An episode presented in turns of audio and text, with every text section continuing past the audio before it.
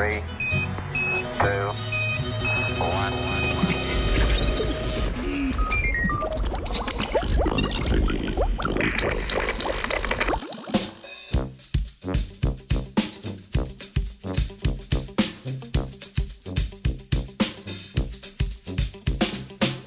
Dobro jutro, program začenjamo z znanstvenim Britofom, kot v navadi.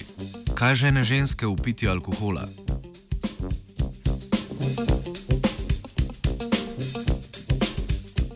Znanstveni reviji Plus One poročajo, da je ženski spolni hormon estrogen pomemben člen v procesu razvoja odvisnosti od alkohola in drugih duševnih motenj.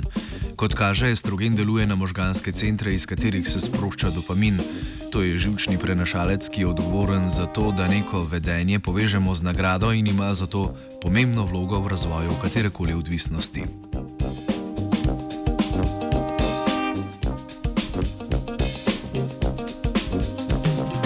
Ameriške znanstvenice in znanstveniki so opazovali aktivnost nevronov, iz katerih se sprošča dopamin. Izbrali so nevrone, ki izvirajo iz dela možganov, ki je bogat z dopaminom in zato povezan z odvisnostjo, to je ventralno-tegmentalno jedro.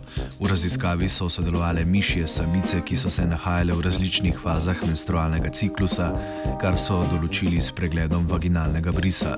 Samice so ločili v dve skupini, eno z visoko in drugo z nizko vrednostjo estrogena v krvi. Najprej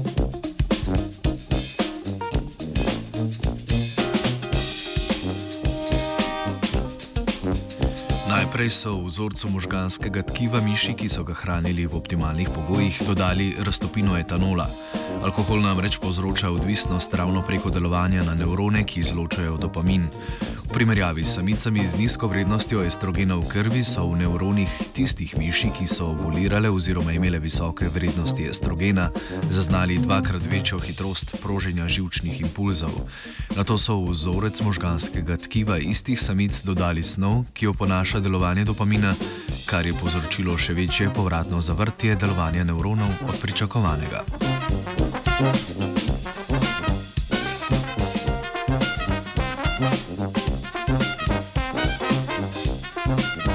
Bye.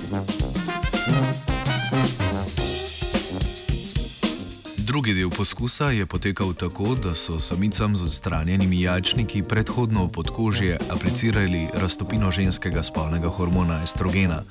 Z nadomeščanjem hormona so dosegli porast estrogena v krvi, kar je imelo podoben učinek kot ovulacija pri zdravih samicah. Tako se je v vzorcu možganskega tkiva samic, ki so bile predhodno na nadomestni hormonski terapiji, po dodatku etanola aktivnost nevronov zopet povečala.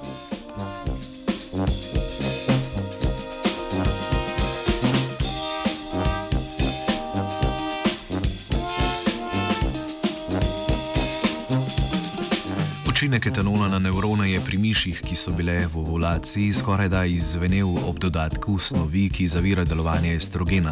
Zanimivo pa je, da je z dopaminom sproženo povratno zavrtje delovanja nevronov ostalo enako.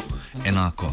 Zato raziskovalke in raziskovalci sklepajo, da je estrogen na nevrone, ki izločajo dopamin, dolgoročno učinkoval že veliko pred samo izvedbo poskusa, domnevno preko genetskih mehanizmov.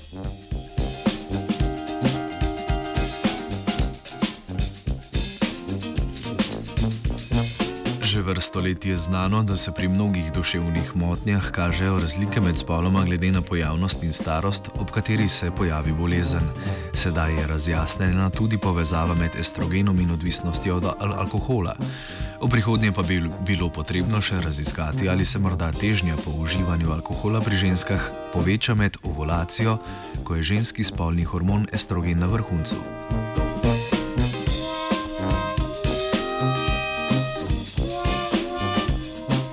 Estrogenu in alkoholu se zaenkrat še ne bo odrekla Andreja. Three.